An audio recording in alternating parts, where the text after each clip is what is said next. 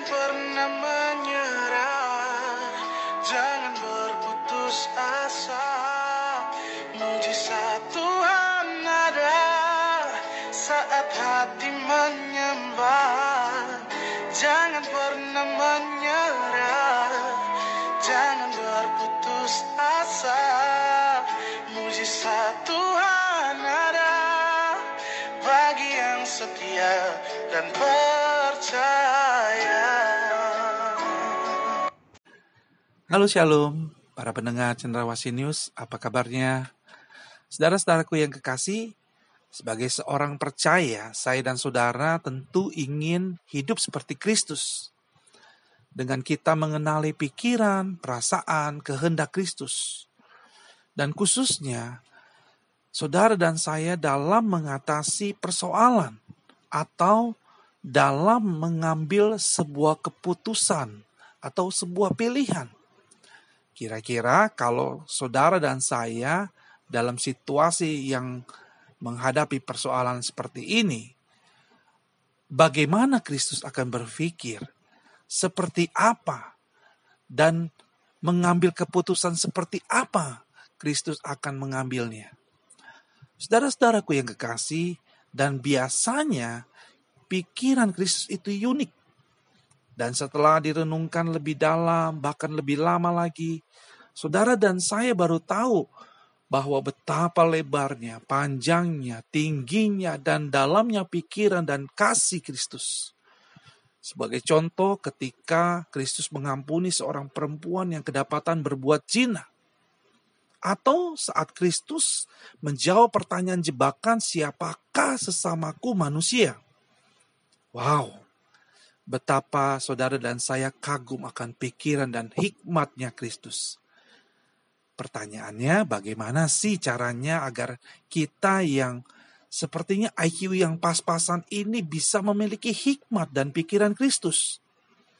Yang pertama yang ingin saya sampaikan bahwa pikiran Kristus itu tidak sama dengan ukuran kecerdasan intelektual. Ya, ini adalah sebuah kecerdasan spiritual yang dikerjakan oleh Roh Kudus dan melalui hidup saya dan saudara. Kecerdasan spiritual inilah yang disebut oleh Tuhan adalah sebuah hikmat Allah. Ya, hikmat yang mengalahkan hikmat dunia dan bahkan mampu untuk menghakimi malaikat-malaikat. Dan yang kedua, pikiran Kristus itu tidak berorientasi pada kepentingan diri sendiri, tetapi pada kehendak Allah dan mengutamakan kepentingan orang lain. Sebagai tolok ukurnya ada pada hukum kasih. Apakah yang saya pikirkan dan lakukan ini dalam rangka mengasihi Allah dan sesama atau tidak?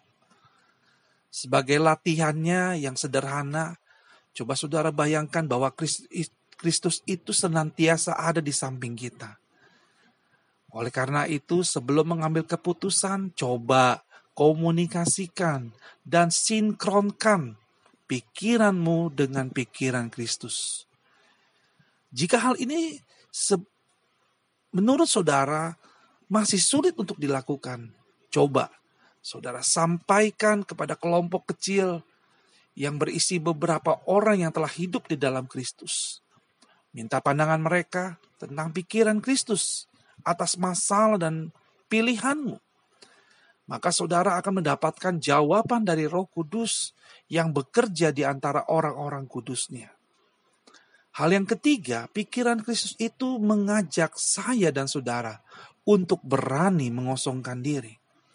Artinya menanggalkan ego kehebatan diri sendiri.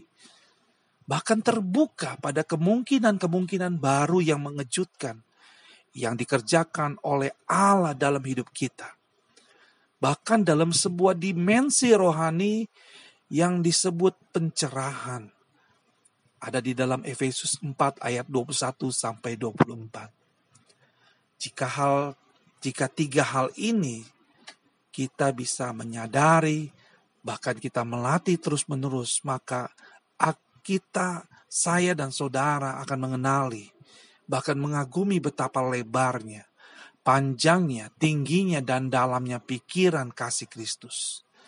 Bahkan kita dihantar pada hal-hal yang jauh lebih besar, bahkan lebih dahsyat lagi. Bahkan firman Tuhan katakan apa yang tersembunyi di dalam diri Allah. Karena saudara dan saya memiliki pikiran dan perasaan Kristus. Puji Tuhan, kiranya saudara bisa beraktivitas hari ini dengan penuh sukacita. Bahkan pikiran Kristus memimpin saya, memimpin saudara dan Tuhan Yesus memberkati. Amin.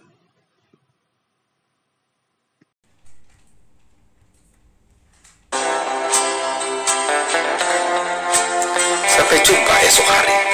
Kiranya damai sejahtera dari Allah Bapa, kecintaan dan kasih karunia Tuhan kita Yesus Kristus, persekutuan serta penghiburan Roh Kudus menyertai kita sekalian mulai hari ini sampai Maranatha Tuhan Yesus datang.